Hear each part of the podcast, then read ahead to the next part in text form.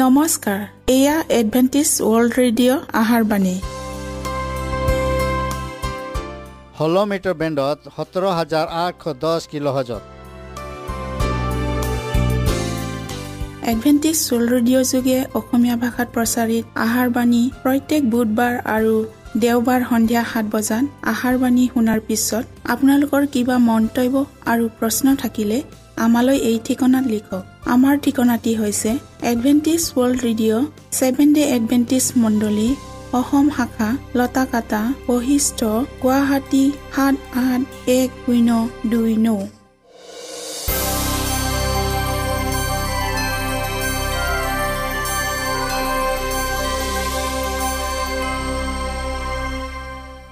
প্ৰিয় শ্ৰোতা বন্ধুসকল এতিয়া শুনো আহক এটি খ্ৰীষ্টীয় ধৰ্মীয় গীত।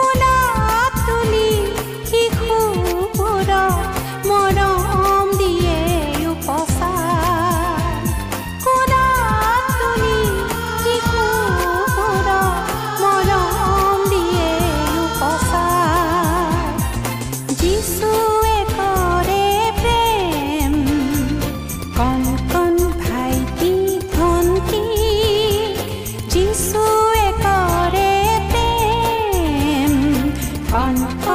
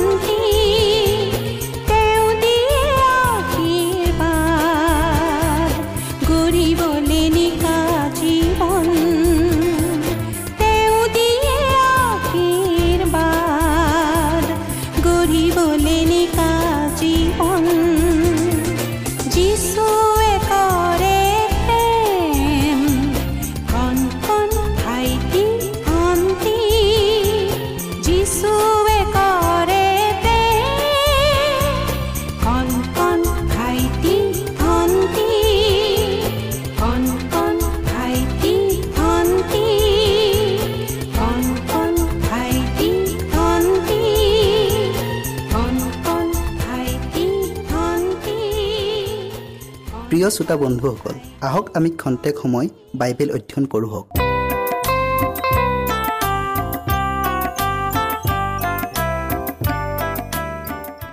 বিষয় হৈছে অহংকাৰ।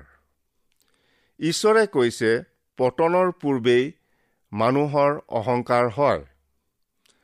খ্ৰীষ্টীয়ৰ পাছতেই স্বৰ্গত দ্বিতীয় স্থান অধিকাৰ কৰা লুচিফৰ দূতৰ পতনৰ বিষয়ে শাস্ত্ৰত কৈছে হে দীপ্তিময় প্ৰভাতীয় তৰা তুমি আকাশৰ পৰা কেনেৰূপে পতীত হলা? আৰু জাতিবিলাকক নিপাত কৰোতা যি তুমি তুমি ছিন্ন হৈ কেনেৰূপে মাটিৰ সমান হলা? তুমি মনতে ভাবিছিলা মই স্বৰ্গলৈ উঠি ঈশ্বৰৰ তৰাবোৰৰ ওপৰত মোৰ সিংহাসন ওখ কৰি স্থাপন কৰিম আৰু উত্তৰ দিশৰ অন্তসীমাত সভাগিৰিত মই বহিম। মই মেঘবোৰতকৈও ওখ ঠাইত উঠিম। মই সৰ্বোপৰি জনাৰ তুল্য হ'ম। শাস্ত্ৰৰ আন এঠাইত কৈছে তুমি সৰ্বগুণৰ সমষ্টি। পূৰ্ণ জ্ঞানী আৰু পৰম সুন্দৰ। তুমি ঈশ্বৰৰ বাৰী এডেনত আছিলা। সকলো বহুমূল্য পাথৰ আৰু সোণ তোমাৰ আৱৰণ আছিল। তোমাৰ খঞ্জৰি আৰু বাঁহীৰ বাদ্য তোমাৰ মাজত আছিল। তুমি সৃষ্ট হোৱা দিনাই সেইবোৰ যুগুত কৰা হৈছিল। তুমি ঢাকি ধৰোতা অভিষিক্ত কৰোব আছিলা। ঈশ্বৰৰ পবিত্ৰ পৰ্বতত আছিলা। তুমি জুইৰ নিচিনা চকমকীয়া পাথৰবোৰৰ মাজত অহা যোৱা কৰিছিলা। এই সমস্ত গুণেৰে বিভূষিত হলেও তেওঁৰ মনত অহংকাৰ ভাৱ উদয় হোৱাত ঈশ্বৰে কৈছে তথাপি তোমাক নৰকৰ অন্তভাগলৈকে নমোৱা হ'ব। তোমাত অন্যায় পোৱা নোযোৱালৈকে তুমি সৃষ্ট হোৱা দিনৰ পৰা তোমাৰ আচাৰ ব্যৱহাৰত সিদ্ধ আছিলা। আৰু তুমি পাপ কৰাৰ কাৰণে মই তোমাক অহুচি বুলি ঈশ্বৰৰ পৰ্বতৰ পৰা বাহিৰ কৰিলো। তোমাৰ সৌন্দৰ্যৰ কাৰণে তোমাৰ হৃদয় গৰ্বিত হৈছিল। তোমাৰ উজ্জ্বলতাৰ কাৰণে তুমি নিজ জ্ঞান নষ্ট কৰিলা। বিশ্বৰ মহাশক্তিৰে পৰিপুষ্ট বাবিল দেশৰ ৰজা নবুখত নেচৰেও বীৰ দৰ্পে দপদপাই অহংকাৰ প্ৰদৰ্শন কৰিছিল। যদিও অৱশেষত তেওঁ নিজকে নম্ৰ কৰিলে। দীৰ্ঘ সহিষ্ণুতা ঈশ্বৰে নবুখত নেচৰ ৰজাৰ মন পৰিৱৰ্তন কৰাত যথেষ্ট কষ্ট কৰিছিল। দানিয়েলৰ পুস্তকৰ দ্বিতীয় অধ্যায়ত উল্লেখ আছে ৰজাই এটা ভয়ংকৰ সপোন দেখিলে। যদিও তাৰ অৰ্থ বুজা দূৰৰে কথা তেওঁ দেখা সপোনটো পাহৰি গ'ল। কিন্তু দানিয়েল নামৰ ইব্ৰিয় ডেকা বন্দী এজনৰ যোগেদি ঈশ্বৰে ৰজাই নিশা দেখা সপোন আৰু তাৰ অৰ্থও প্ৰকাশ কৰিলে। ৰজাই সপোনত দেখা মিশ্ৰিত ধাতুৰে গঠিত ভয়ংকৰ মূৰ্তিটোৰ তাৎপৰ্য এয়ে আছিল। বাবিল ৰাজ্যৰ পাছত একাদিক্ৰমে আন আন বিশ্ব সাম্ৰাজ্যৰো উত্থান হ'ব। খ্ৰীষ্টীয়ৰ পুনৰাগমন নোহোৱালৈকে গৰ্বী একছত্ৰী সম্ৰাটৰ কাৰণে এই কথাবোৰ অতিকৈ চিন্তনীয় বিষয় আছিল। মহাপৰাক্ৰমী বাবিল ৰাজ্যই হওক বা ইয়াৰ পিছত হ'বলগীয়া আন আন সাম্ৰাজ্যই হওক কোনোটো চিৰস্থায়ী নহ'ব। ঘটনাক্ৰমে বন্দী ইব্ৰিয়াজনৰ ঈশ্বৰেহে সমগ্ৰ বিশ্বকে জয় কৰি শাসন কৰিব। নবুখাদনেশ্বৰ ৰজাই তেওঁ দেখা সপোনৰ অৰ্থ নিঃসন্দেহে গ্ৰহণ কৰিলে। আনকি দানিয়েলৰ জ্ঞান বুদ্ধি বিচক্ষণতাত মুগ্ধ হৈ ৰজাই তেওঁক বাবিল সাম্ৰাজ্যৰ প্ৰধান বিষয়া বাবদ নিযুক্ত কৰিলে।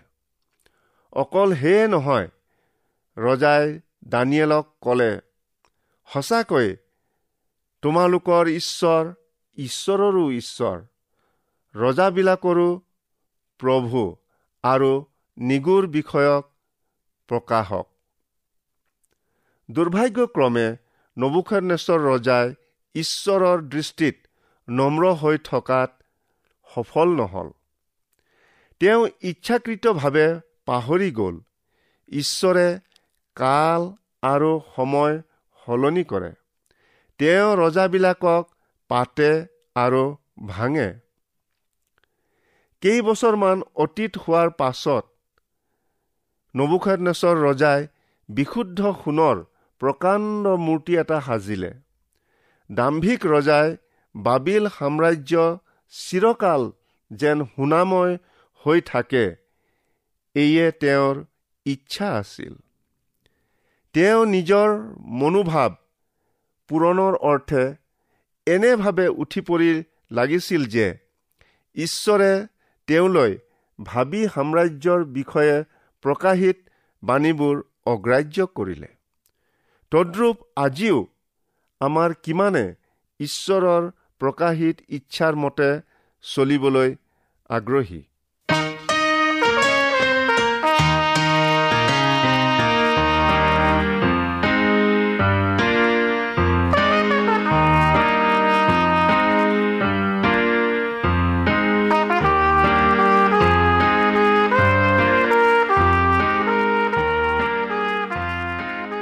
দানিয়েলৰ পুস্তকৰ তিনি অধ্যায়ত কৈছে নবুখাদনেশ্বৰ ৰজাই সজোৱা সোণৰ মূৰ্তিটোক প্ৰণিপাত কৰিবলৈ সাম্ৰাজ্যৰ প্ৰাদেশিক শাসনকৰ্তা প্ৰতিনিধি দেহাধ্যক্ষ প্ৰধান বিচাৰক ৰাজভৰালী দেশৰ সৰু বৰ ৰাজবিষয়াৰ উপৰিও প্ৰজাবিলাকক নিমন্ত্ৰণ কৰিলে।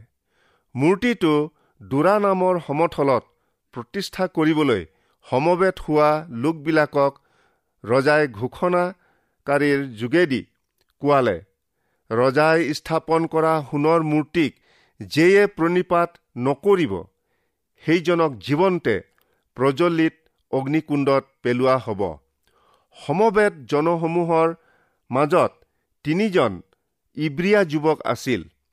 তেওঁবিলাকে সত্য ঈশ্বৰৰ প্ৰতি প্ৰকাশ্যে অনুগত্য স্বীকাৰ কৰি ৰজাই স্থাপন কৰা সোণৰ মূৰ্তিক সেৱা নকৰিলে। নবুখেদনচৰ ৰজাই এই কথা জানিব পাৰি ক্ৰোধেৰে পৰিপূৰ্ণ হৈ ক'লে তোমালোকক দ্বিতীয়বাৰলৈ সুযোগ দিছো। যদি মোৰ আদেশ নামানা তেন্তে সেই মুহূৰ্ততেই তোমালোকক প্ৰজ্বলিত অগ্নিকুণ্ডত পেলোৱা হ'ব। মোৰ হাতৰ পৰা তোমালোকক উদ্ধাৰ কৰিব পৰা কোন দেৱতা আছে? ইব্ৰিয়া ডেকা কেইজনে ৰজাক ক'লে আমি যিজনাৰ সেৱা কৰোঁ আমাৰ সেই ঈশ্বৰ প্ৰজ্বলিত অগ্নিকুণ্ডৰ পৰা আমাক উদ্ধাৰ কৰিবলৈ সমৰ্থ। আৰু হে মহাৰাজ আপোনাৰ হাতৰ পৰা তেওঁ আমাক উদ্ধাৰ কৰিলেও কৰিব পাৰে যদিও নকৰেও তথাপিও হে মহাৰাজ আমি আপোনাৰ দেৱতাবোৰক সেৱা নকৰিম আপুনি স্থাপন কৰা সোণৰ মূৰ্তিক পূজা নকৰিম। আজিৰ যুগত জগতৰ অহাৰ ৰং ৰহস্যৰ পৰা নিজকে মুক্ত কৰি উপৰোক্ত সত্য ঈশ্বৰ বিশ্বাসী যুৱক কেইজনৰ দৰে খ্ৰীষ্টিয়ান যুৱক যুৱতী আমাৰ মণ্ডলীবিলাকত আছেনে? ৰজাৰ আদেশ অনুসৰি ইব্ৰিয়া যুৱক তিনিজনক অগ্নিকুণ্ডত পেলোৱা হ'ল। কিন্তু ৰজাৰ মানুহে ক'লে মহাৰাজ আমি তিনিজন লোকক অগ্নিকুণ্ডত পেলাইছিলোঁ। এতিয়া দেখিছোঁ চাৰিজন মানুহ আৰু চতুৰ্থজনৰ আকৃতি দেৱপুত্ৰৰ নিচিনা। বুজি পোৱাত অকণো অসুবিধা নহয়। এই চতুৰ্থজন ব্যক্তিয়েই স্বয়ং যীশুখ্ৰীষ্টীয়। সংকটৰ কালত বিচৰা মাত্ৰেই পাব পৰা ঈশ্বৰ। তেওঁ আমাক আশ্বাস দি কৈছে তুমি ভয় নকৰিবা কিয়নো মই তোমাৰ লগত আছো। ব্যাকুল নহবা কিয়নো মই তোমাৰেই ঈশ্বৰ। দ পানীৰ মাজেদি হওক বা অগ্নিৰ মাজেদিয়েই হওক গমন কৰা কালত মই তোমাক ৰক্ষা কৰিম। সংকটৰ সময়ত ইব্ৰিয়া যুৱক কেইজনক ৰক্ষা কৰাৰ দৰে সেই একেজনা ঈশ্বৰে আমাকো ৰক্ষা কৰিব। তেওঁ গৰ্বী আৰু অহংকাৰী নিজকে নট নকৰা কাৰণে দানিয়েলৰ পুস্তকত চাৰি অধ্যায়ত বৰ্ণিত আছে। তেওঁ বলিয়া হৈ সাত বছৰ গৰুৰ নিচিনাকৈ ঘাঁহ খালে। ঈশ্বৰৰ পৰা শাস্তি পাই তেওঁ অনুতাপ কৰি গৰ্ব অহংকাৰ ত্যাগ কৰিলে। পবিত্ৰ শাস্ত্ৰত কৈছে প্ৰভুৰ আগত তোমালোকে নিজকে নট কৰা। তাতে তেওঁ তোমালোকক উন্নত কৰিব। নবুখাত নেচৰ ৰজাই ঈশ্বৰৰ দৃষ্টিত নিজকে নম্ৰ কৰাৰ পৰিণামস্বৰূপে সাধু পৌলৰ দৰে পত্ৰ লিখি গোটেই পৃথিৱীত থকা সকলো জাতিৰ দেশৰ আৰু ভাষাৰ লোকবিলাকলৈ তেওঁ জাননী পঠালে। অভিবাদনত তোমালোকলৈ অতিশয় শান্তি হওক বুলি আৰম্ভ কৰি কৈছে সৰ্বোপৰি ঈশ্বৰে মুঠ যি যি অদ্ভুত লক্ষণ আৰু আচৰিত কাৰ্য দেখুৱালে সেই সকলোকে মই প্ৰচাৰ কৰা উচিত বুজিলোঁ।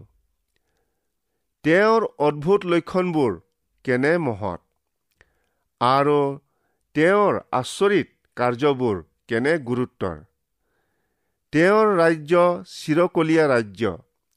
আৰু তেওঁৰ ৰাজশাসন পুৰুষানুক্ৰমে থাকে। আৰম্ভণিতেই উল্লেখ কৰিছিলোঁ পতনৰ পূৰ্বেই মানুহৰ অহংকাৰ হয়। শাস্ত্ৰত কৈছে কোনো কোনোৱে যিহক পলম কৰা যেন জ্ঞান কৰে প্ৰভুৱে নিজ প্ৰতিজ্ঞাৰ কথাত তেনে পলম নকৰে। কোনো কোনো যেন বিনষ্ট নহয় কিন্তু সকলো যেন মন পালটনত প্ৰবৃত্ত হয় তেওঁ এনে ইচ্ছা কৰি তোমালোকলৈ দীৰ্ঘসহিষ্ণু হয়। শাস্ত্ৰত আৰু কৈছে ঈশ্বৰ অহংকাৰীবিলাকৰ বিপক্ষ কিন্তু নম্ৰবিলাকক তেওঁ অনুগ্ৰহ দান কৰে। আমি আমাৰ নিজ নিজ অহংকাৰ ভাৱ পৰিহাৰ কৰি নম্ৰ মনেৰে ঈশ্বৰৰ ওচৰলৈ চাপি যাওঁ হওক তাতে তেওঁ আমাৰ ওচৰলৈ চাপি আহিব।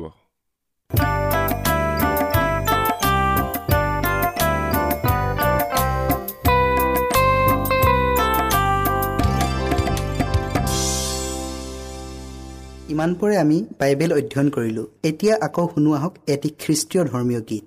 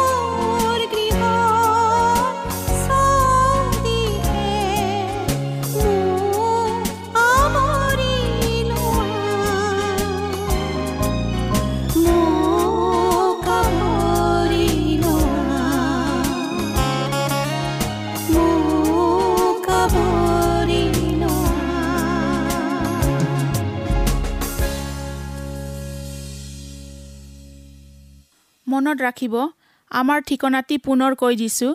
Adventist world radio' Assam region of seven day Adventist voice of hope Latakata Basistha Guwahati seven eight one zero' two nine প্ৰিয় শ্ৰোতা বন্ধুসকল এডভেণ্টিজ ৱৰ্ল্ড ৰেডিঅ' যোগে আহাৰবাণী প্ৰচাৰত আপোনালোকক পুনৰ লগ পোৱাৰ আহাৰে আজিলৈ সামৰিলোঁ। ধন্যবাদ।